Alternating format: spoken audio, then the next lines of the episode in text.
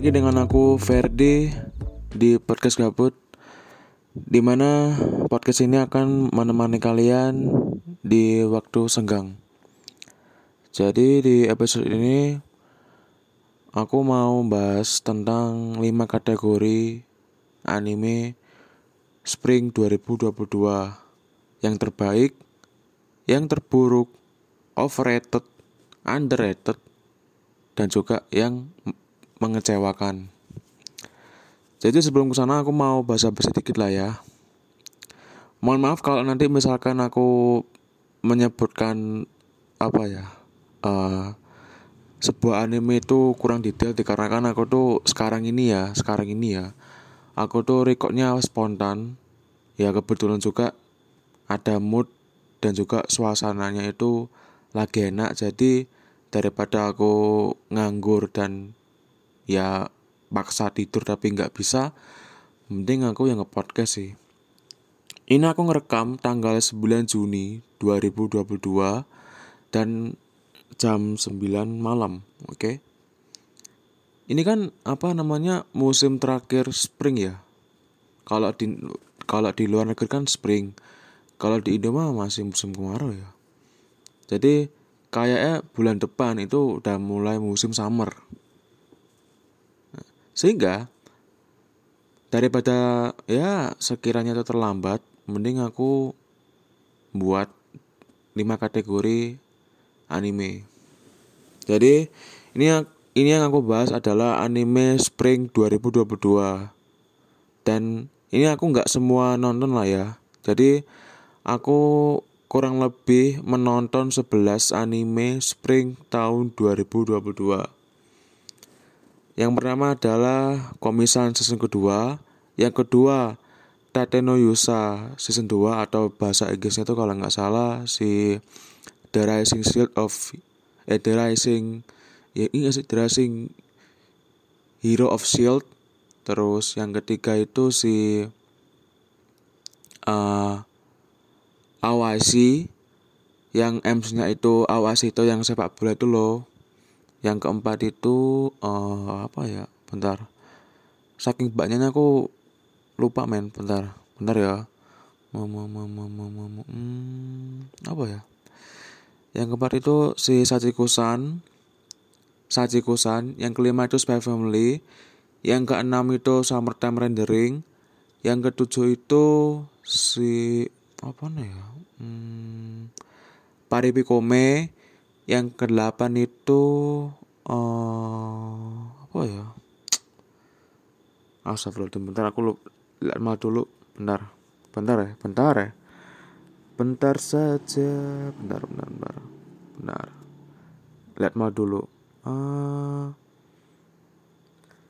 yang ke lap eh yang ke sembilan itu Kaguya sama Love is War yang season ketiga. Yang ke sembilan itu Morisan yang terakhir kalau nggak salah ya bener yang terakhir itu adalah Aharensan Wahakarenai. Jadi kurang lebih 11 lah ya 11 atau 12 dan aku nggak nonton semua karena ya aku juga nonton anime lain selain musim spring 2022 kayak One Piece dan juga Boku no Hero Academia rencana ya rencana. Setelah aku maraton Boku no Hero Academia mungkin aku maraton Fairy Tail Black Clover pokoknya seri-seri shonen terkenal lain lah gitu. Biar ya melengkapi aja gitu. Karena aku suka sama seri shonen lah ya. Entah itu dark shonen entah itu light shonen entah itu uh, romance shonen kayak komisan dan sebagainya. Pokoknya aku suka banget sama uh, demografi shonen. Gitu. Dan tanpa lama-lama lagi aku mau bahas uh, 5 kategori anime. Jadi gini maksudnya adalah uh, yang ini ini ini contoh lah ya ini contoh. Contoh. Anime terbaik itu anime A alasannya gini gini gini. Anime terburuk itu anime B alasannya gini gini gini. Anime overrated anime C alasannya gini-gini dan lainnya lah ya. Jadi buat kalian itu yang sekiranya nggak nyaman mendengar suaraku karena cara ngomongku ya gini ya mending silakan cari podcast lain. Dan moga-moga aja sih penontonku TikTok ya. Ya iya gak sih? Penontonku TikTok itu uh, bisa anda bisa bisa play podcastku karena aku udah nyebar ini di, di TikTok karena aku punya akun TikTok. Followerku kalau nggak salah 1015 dan alhamdulillah ya daripada aku diem aja mending aku menggunakan semacam privilege privilege followerku itu untuk membagikan podcastku gitu. Jadi ini aku ngomongin anime yang paling mengecewakan dulu ya. Anime yang paling mengecewakan. Anime yang paling mengecewakan di musim spring 2022 di musim semi 2022 menurutku adalah Tatene Yusa The Rising Shield of Hero The Rising Hero of Shield. Ya pokoknya gue lah Tatene Yusa no, no Nagihari season yang kedua. Kenapa? Yang jelas adalah yang jelas adalah visualnya. Visualnya kalau soal cerita aku bisa dibilang ya cukup enjoy. Meskipun ya biasa aja sih sebenarnya. Nggak se nggak sebagus season yang pertama kalau menurutku pribadi. Tapi kalau yang jelek itu adalah visualnya. Ini ini ini mataku yang lihat ya. Ini ini opini ku pribadi. Mohon maaf kalau apa sekiranya kalian yang dengar ini adalah fans dari Tateno Yusa kemudian merasa tersinggung mohon maaf ini aku ngomong ini opini ku pribadi. Aku nggak aku nggak menjelekkan aku tuh murni kata murni berkata ini karena aku nonton aku tuh ngikuti gitu loh ya. Jadi anime yang ditunggu-tunggu oleh para fansnya dan juga para otaku termasuk aku aku bukan fans dari Tetanusa tapi aku bisa dibilang aku sangat menunggu sequel dari anime ini jadi pada saat animenya animenya itu rilis mohon maaf aku dikecewakan berat aku dikecewakan asli dikecewakan. Visualnya sih sing visual yang paling parah itu visual. Jadi gini visual itu tidak ada peningkatan dari season pertama. Ada itu perwarnaan pencahayaan detail ketajaman gambar animasi dan juga CGI itu tidak ada peningkatan sama sekali. Apalagi pada saat kura-kura di episode yang keempat apa kelima aku lupa. Itu CGI-nya bilang misalnya parah banget. Kita tahu lah ya bahwasanya di poster itu, di poster, di poster, di posternya Tateno Yusasin kedua, itu kan kura-kuranya itu kan wow, kayak ini bener-bener digarap dengan serius tapi pada saat eksekusinya, wow, wow, wow, wow, blar. CGI ini lebih parah pak daripada season yang pertama. Uh, kita kembali lagi ke season pertama. Kalau nggak salah ya, kalau nggak salah aku ingat di season pertama itu ada CGI. Di mana kalau nggak salah salah satu jurusnya si Naofumi yang ngurung orang itu yang aku nggak tahu nama aku nggak aku lupa namanya pokoknya yang ngurung orang itu kan itu masih GI tapi masih make sense. Karena nggak terlalu kelihatan juga eh nggak terlalu kelihatan. Dan itu bisa dibilang seriesnya itu kan masih pemu masih pembukaan. Jadi bisa dibilang kayak cari cuan dulu lah. Jadi aku jadi mungkin aku dan uh, banyak penonton lain itu bisa dibilang masih ya oke okay lah nggak apa-apa juga masih mentoleransi gitu loh. Tapi di season kedua oh my god season kedua oh ya ampun mak. CGI ini. Dan juga dari segi pewarnaan mohon maaf nggak ada peningkatan sama sekali. Pewarnaan itu sama aja kayak yang season pertama. Setidaknya itu untuk 5 eh sorry setidaknya itu 6 episode awal. Baru mulai episode 7 season kedua ada peningkatan dikit dikit doang di mataku lihat dikit doang di pewarnaan. Dikit doang sih nggak nggak nggak terlalu signifikan lah. Jadi bisa dibilang untuk segi visualnya mengecewakan. Kalau soal cerita soal cerita biasa aja sih. Nggak sebagus season pertama. Jadi gini ini opiniku pribadi? The best epi sorry. Episode terbaik dari anime Tate no Yusa itu adalah episode pertama di season pertama. Pada saat Shinofumi itu baru datang ke Isekai dipanggil itu dan kemudian dikhianati sama si putri rambut merah aku nggak tahu aku lupa siapa namanya. Pokoknya dia tuh bajingan banget. Pokoknya itu the best episode lah. Kenapa? Karena aku dapat karena aku dapat feeling aku bisa berempati lebih ke Sinofumi bener-bener dapat bener-bener sakit loh. Bener-bener bisa merasakan sakitnya. Dikhianati dikecewakan diasingkan. Itu the best episode sih the best episode episode terbaik menurutku di sepanjang series Jatan Indonesia anime lah ya. Aku nggak ngomong like novel ya aku ngomong anime itu itu dan sebenarnya di season, di season 1 ya ada sih beberapa beberapa episode yang nggak kalah bagusnya dari yang pertama. Kalau nggak salah itu yang ketiga ya yang ketiga.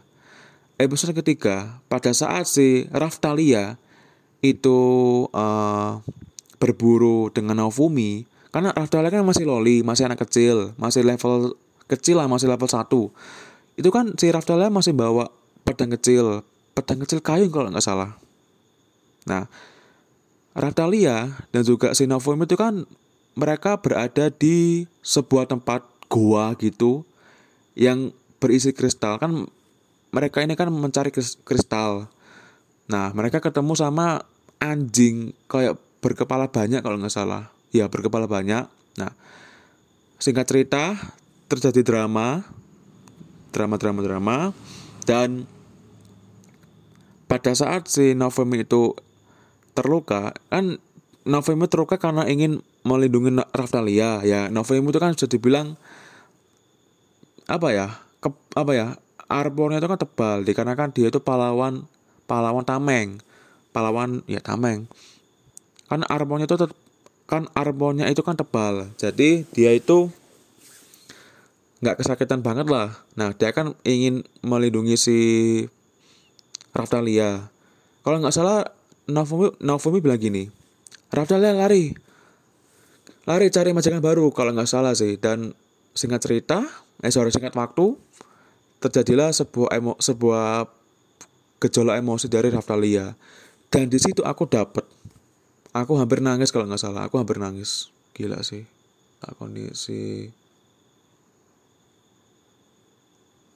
Novumi dan juga Raftalia itu itu bisa dibilang episode ketiga itu nggak kalah jauh bagusnya dari episode pertama gitu. Dan juga episode 9 kalau nggak salah episode 9 atau 10 pada saat si Novumi itu bertarung dengan pahlawan tombak yang bernama si si rambut kuning. Panjang itu siapa namanya? Aku lupa. Motoyasu Motoyasu Motoyasu. Jadi ya kan kita tahu lah ya yang udah nonton animenya itu si Novum itu kan bisa dibilang menang unggul jauh lah ya dari si Motoyasu. Tapi dicurangilah oleh si putri rambut merah brengsek lon itulah ya kan? Dan di situlah juga kita tahu bahwasannya si raja itu mendukung si anak putrinya yang ber, yang rambut merah itu tadi. Singkat waktu juga terjadilah gejolak emosi lagi dari Sinofumi pada saat si Novum itu tidak ingin berpisah dengan si Raftalia kan si Raftalia itu kan ingin apa namanya ingin diambil sama Motoyasu dan dan keluarga ya kan? Gejolak emosi dari Novum itu bisa dibilang wah dapat sih menurutku. Kesepian. Terus uh, rasa dikucilkan itu dapat banget sih. Jadi aku sekali lagi terharu sih bisa dibilang eh, dari episode itu bisa dibilang kalau mau tanya tiga episode terbaik dari anime Tata Indonesia sampai sekarang itu adalah episode pertama, ketiga, yang dan ter, dan terakhir adalah episode 9 atau 10. Tapi itu semua ada di season pertama. Di season pertama, oke? Okay? Di season pertama. Season season di musim pertama, di musim pertama, oke? Okay? Di musim pertama. Oke. Okay. Sebenarnya sih ada sih, ada juga episode yang nggak kalah bagusnya dari tiga episode itu. Aku tapi lupa episode berapa pada saat si empat pahlawan kardinal itu mereka kan apa berada di kapal kan, berada di kapal terbang. Kemudian mereka itu tiba-tiba diserang sama gelas. Jujur ya, jujur jujur ya. Pertama kali pada saat gelas muncul, pertama kali itu terornya itu dapat, terornya itu dapat. Pada saat si gelas itu blar blar blar blar blar. Pada saat mengalahkan semua pahlawan, ya kecuali Novumi karena MC, itu dapat banget. Apalagi si Motoyasune sosokan awas aku aku akan mengalahkan kau blar sama si gas ICD ngono. Itu dapat terornya subah itu dapat terornya. Soalnya dia itu beneran kayak wah ini bakal jadi villain di anime Titan Yusa ini bakal jadi one of the best villain menurutku. Tapi nyatanya enggak sih. Enggak nyatanya. Memang dia itu antagonis tapi entah kenapa di season yang kedua ini kayak kerasa kurang banget sih. Apalagi sebenarnya sebenarnya gelas itu kan mulai kurangnya pada saat si season pertama episode yang terakhir-terakhir itu kan episode 2 apa 25 kan itu kerasa kurang banget.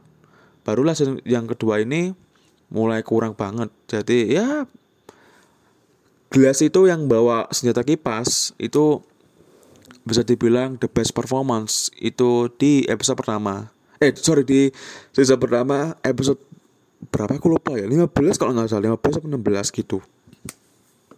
Itu doang sih. Jadi bisa dibilang 4 lah ya.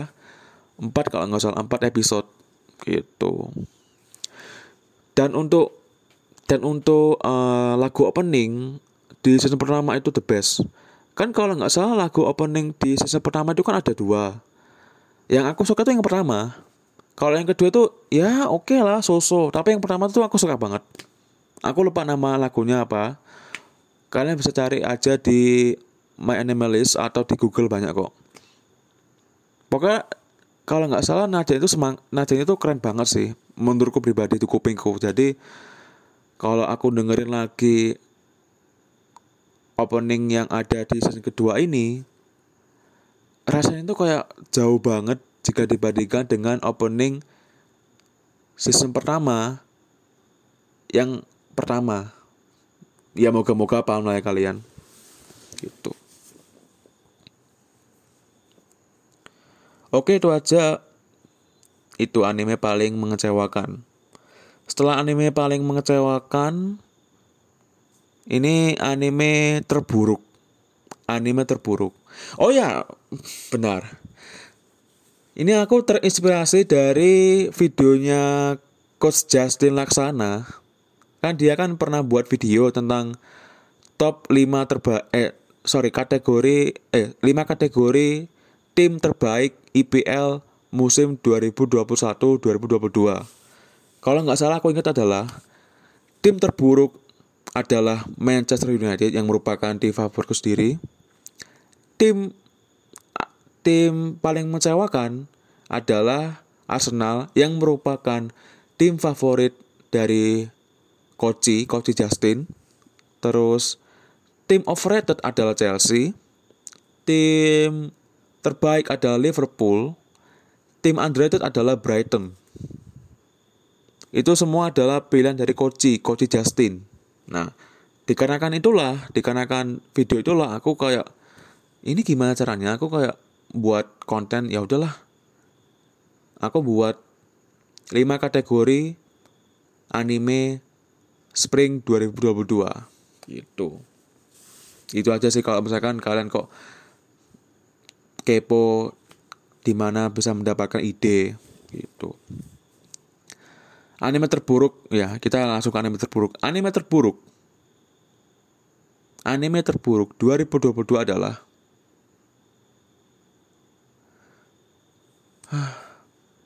Sachiko-san Sachiko-san Gini, gini, Sachiko-san Jujur, Sachiko-san aku kalau soal cerita aku bisa dibilang enjoy, enjoy, enjoy. Meskipun nggak segatel, masukku, sorry, maafkan bahasa Prancis saya.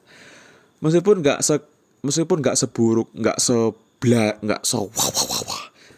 Titan Yusa, tapi Sachiko-san tuh masih setidaknya masih lebih mending lah, masih lebih mending lah, mending, masih lebih ya mending dikit lah daripada si uh, Titan Yusa Sachiko-san di mana anime itu menceritakan tentang loli loli yang pokoknya yang jadi fan service itu adalah loli loli gitu.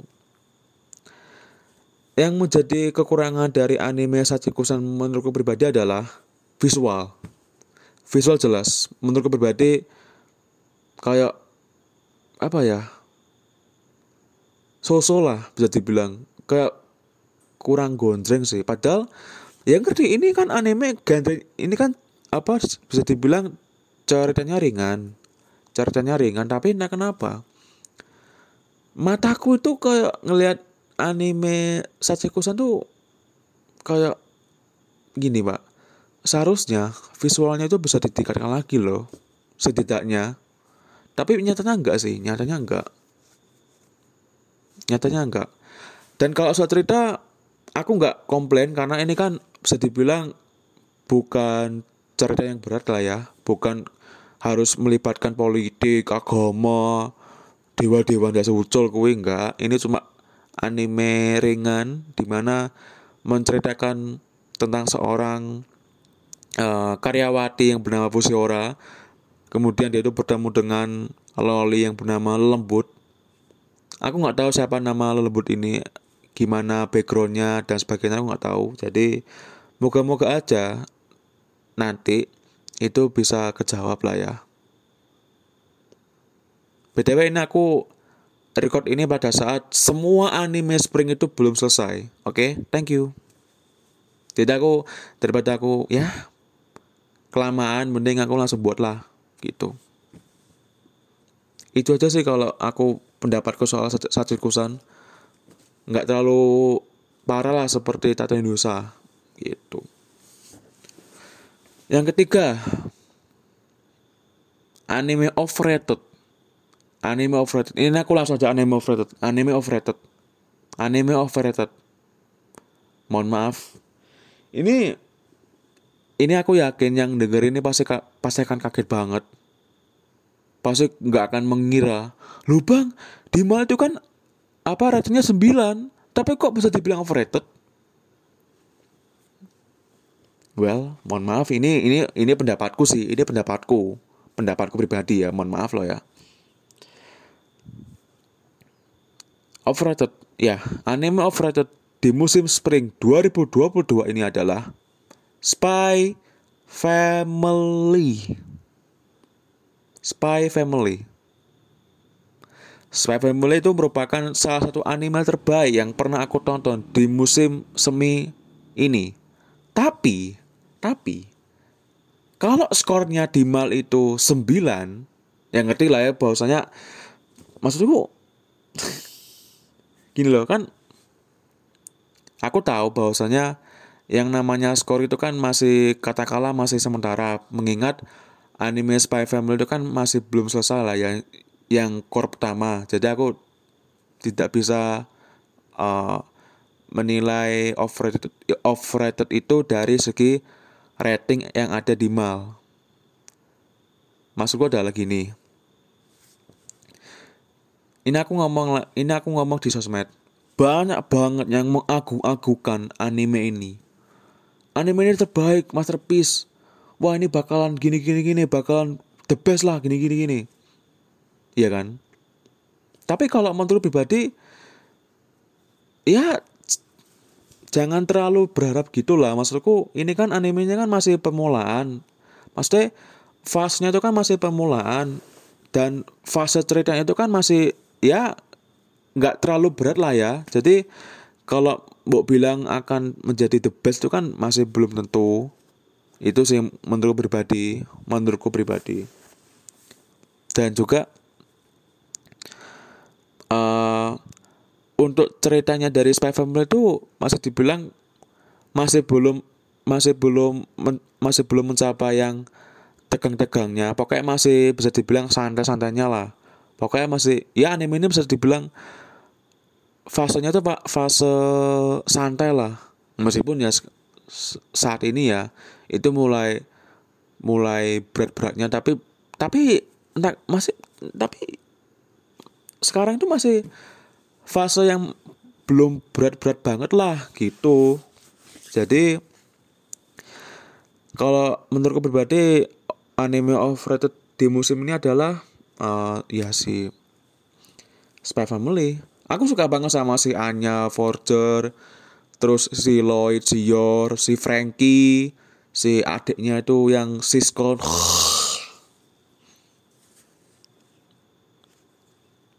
Enggak aku aku tuh kemarin nonton bokep. Judulnya tuh kalau nggak salah I want to fuck my sister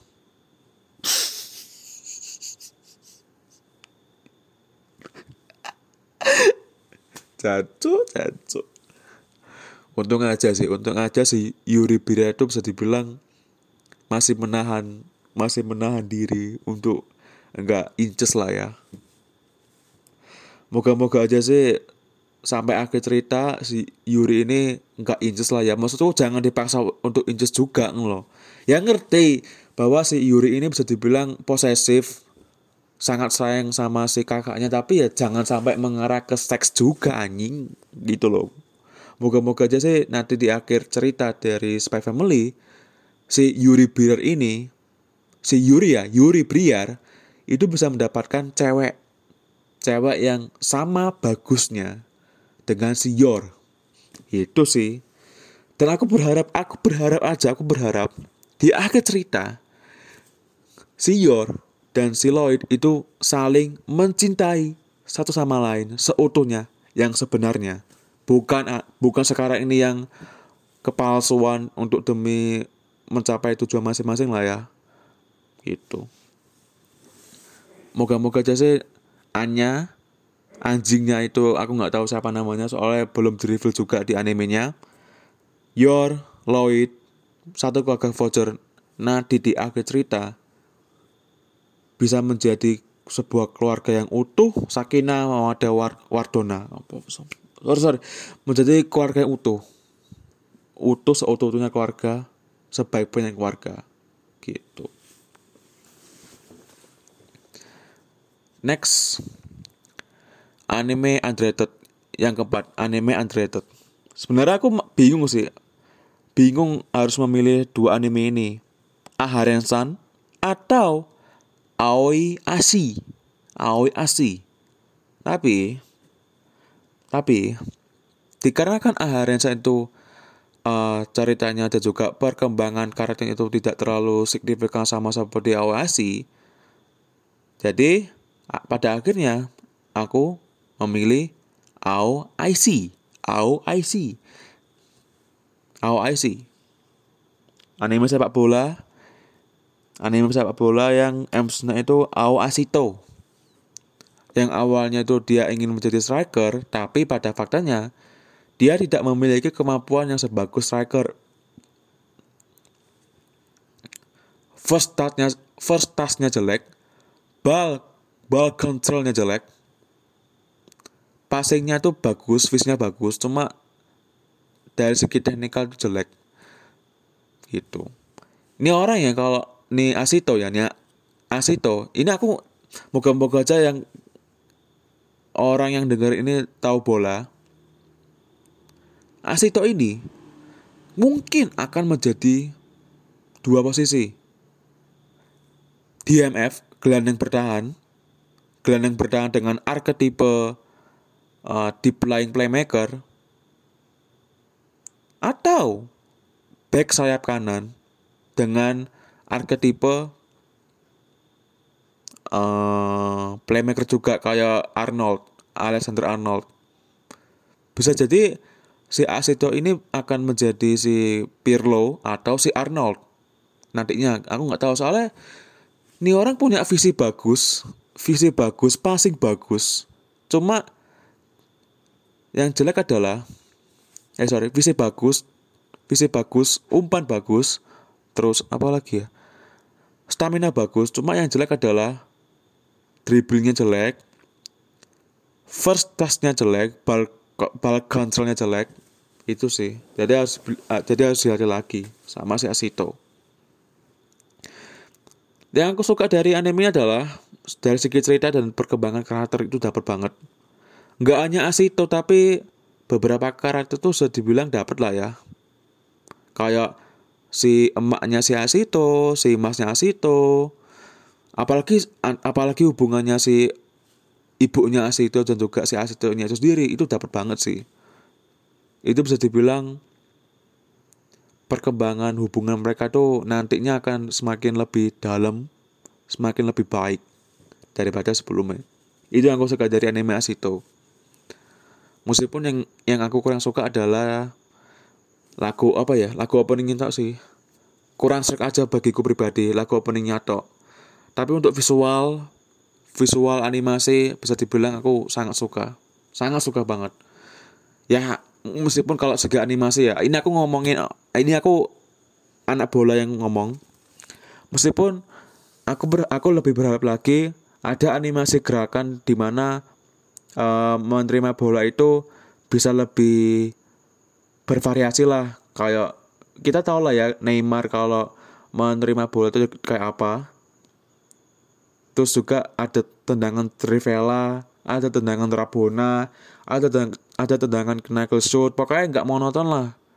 Animasi menendang bola umpan bertahan dan sebagainya. Pokoknya aku berharap lagi bahwasanya studio yang mengerjakan ini bisa membuat animasi pada saat bermain bola itu lebih bervariatif itu bervariatif lagi. Itu. Semoga saja semoga saja semoga saja. Yang terakhir adalah anime terbaik. Anime terbaik. Ya aku langsung aja lah ya. Bentar. Minum dulu. Minum dulu. Minum dulu bentar. Anime terbaik di Spring 2022 menurut Ferdinand Amanis adalah Summertime Rendering. Summertime Rendering. Summertime Rendering. Yang aku suka adalah Nagumo Sensei. Gila men. Men, Nagumo atau atau Hizuru tuh oh my god man man shit. Gila itu itu kalau ada dojinya sih oh aku pengen baca sih. Gila. Ngerti bahwasanya si Hizuru si Hizuru atau Nagumo Sensei itu kan bisa dibilang bipolar. Tapi oh my god man. Bodinya itu loh wow shit. Huh, gila hmm. Gila. Itu apa ya Nagumo Ryunosuke itu cewek itu ya cewek itu merupakan car favoritku di anime Summertime Rendering sih. Gila men. Anjing. Aduh pikiranku ya ampun. Pikiranku pikiranku. Enggak hanya segi body yang menurutku bagus tapi dari segi pengkarakteran pengkarakteran dan juga penulisan sih aku suka sih dari Nagumo Sensei. Eh Nagumo Ryunosuke. Oh Nagumo Sensei. Nagumo Ryunosuke. Ya karena dia tuh dia itu bisa dibilang useful bagi si siapa namanya MC-nya? Shinpei dan juga ya berguna banget lah gitu. apalagi dia tuh kan bisa dibilang kayak salah satu orang terkuat lah ya di anime sama rendering gitu. Terus yang aku suka lagi dari anime sama rendering adalah visualnya bagus bagus bagus kok bagus. Meskipun nggak sebagus nggak sebagus Awasi dan juga Spy Family tapi visual animasi dari anime sama rendering ini bisa dibilang nggak kalah bagusnya lah nggak nggak kalah bagusnya pewarnaan bagus penggambarannya juga bagus desain karakternya juga bagus uh, gambar dari pemandangan atau latarnya itu cukup bagus gitu. Untuk lagu opening sendiri aku bisa dibilang ya aku bisa menikmati meskipun meskipun meskipun bukan opening terbaik di spring 2022 buat kalian yang belum tahu opening terbaik sorry lagu opening dan juga opening terbaik anime di spring di musim semi 2022 ini menurutku adalah Paripikome Cang cang aja karena cang cang cang cang cang yang merupakan semacam terinspirasi dari artis Hungaria kalau nggak salah. Hungaria apa Romania kalau nggak salah. Gitu. Cang cang aja ceki cang cang aja ceki cang cang aja gitu. Suka lah pokoknya. Entah kenapa lagu itu ya ciki ciki ciki ciki bam bam itu uh, pada saat aku dulu denger itu bisa dibilang candu sih. Candu banget sama openingnya. Jadi kenapa aku nonton nonton pari pari Kome karena openingnya itu itu tuh sih itu walaupun kalau asal cerita sih ya oke okay lah. Meskipun nggak sebagus sama time rendering. Balik lagi ke sama time. Bukan sama time saga bukan. Bukan sama time saga bukan sama time hurt bukan summertime lesson enggak ini summertime rendering oke? Okay? summertime rendering yang aku suka dari anime adalah ya selain visual dan juga si Ryonosuke Nagumo. Oh, jelas. Oh man. Dojinshi man. Dojinshi dojinshi dojinshi cerita. Plotnya padet kayak AOT jelas. Tek tek tek tek tek. Singkat, padat, jelas. Ya meskipun di beberapa di beberapa episode itu ada selingan komedi. Kayak bisa dibilang kayak istirahat dulu sejenak sebelum menghadapi konflik selanjutnya gitulah. Dan aku suka banget. Meskipun meskipun konsepnya itu kurang lebih sama kayak ReZero Return by the Dead tapi ini bagus men. Eksekusi itu bagus men. Nggak nggak kayak Rizero yang menurutku terlalu brutal.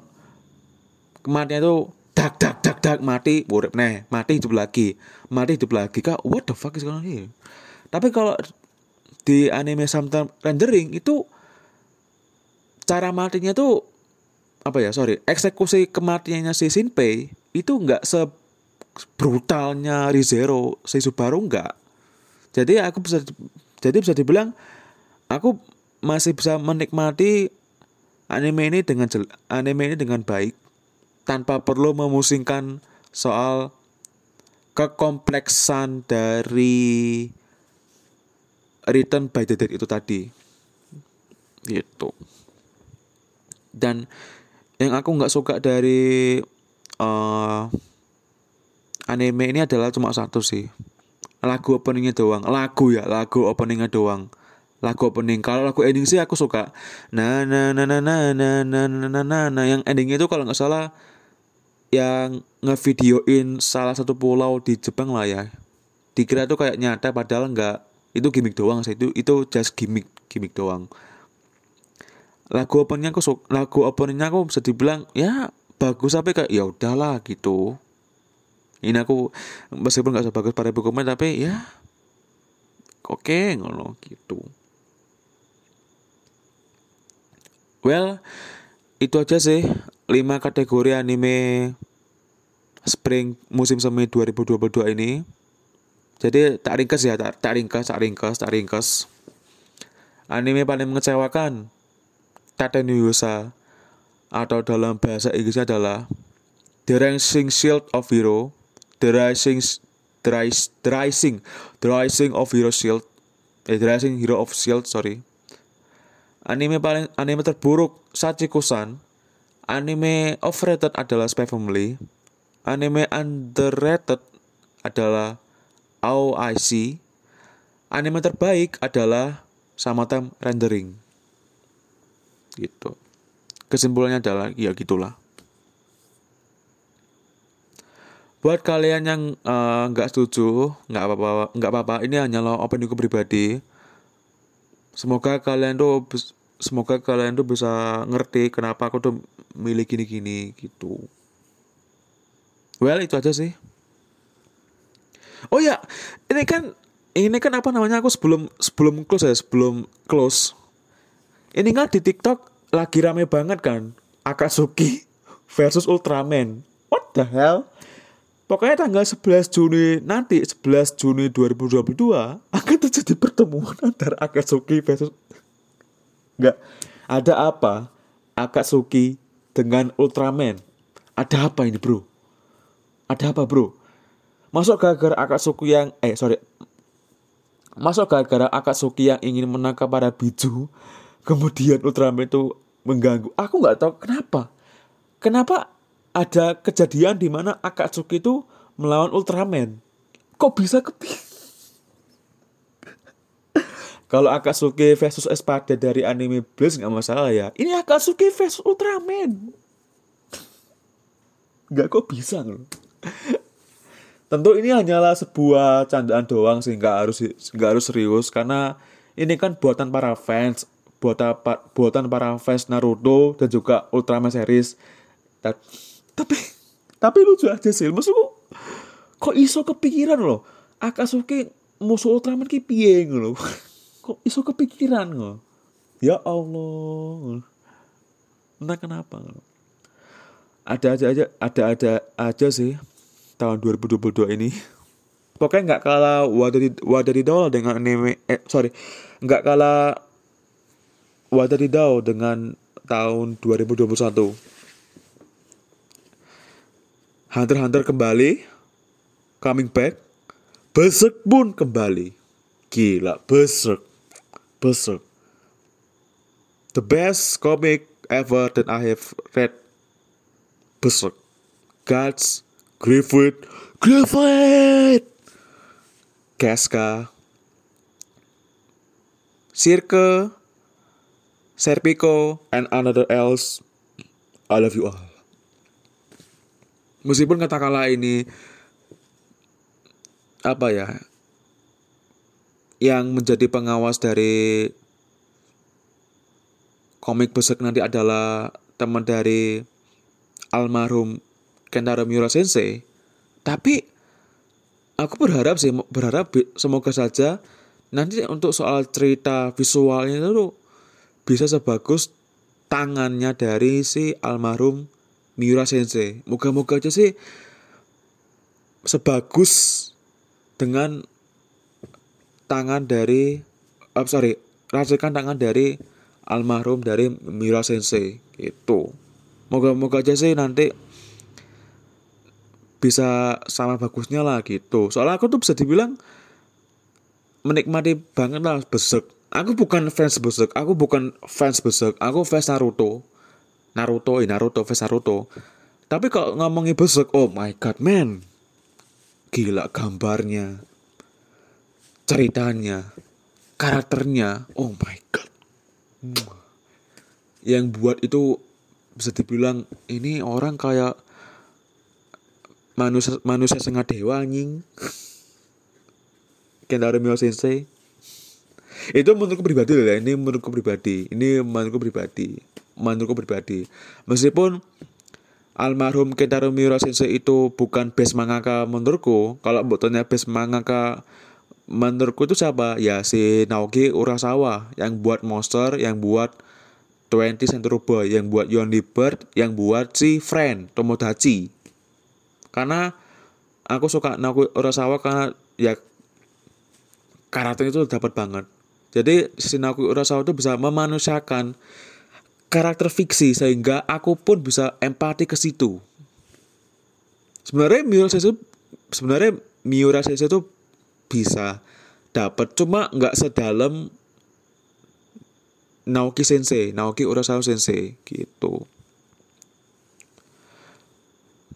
Oke, itulah pokoknya apa sejauh tahun 2022 ini baru setengah tahun tapi kok enek? Akatsuki Ultraman terus opo lah bla bla bla bla perang lah. Perang Ukraina pas peso sosial lah. Iki opo jadi tahun tahun ini ada apa sih kok ada-ada aja gitu loh. Apalagi ini sekarang harga-harga barang makin mahal kayak minyak, telur, gula dan sebagainya. Pokoknya wah, inflasi inflasi. Nggak tahu lagi. Bensin makin mahal bagus nak bagus. Ya pokoknya kita bisa menghadapi semua itu dengan pintar, tegar, dan sabar. Dan semoga kita itu bisa mengatur uang dengan bijak ya. Ini aku ngomongi untuk diriku sendiri dan juga kalian yang mendengarkan ini oke? Okay? kita akan ketemu lagi di episode selanjutnya. Dadah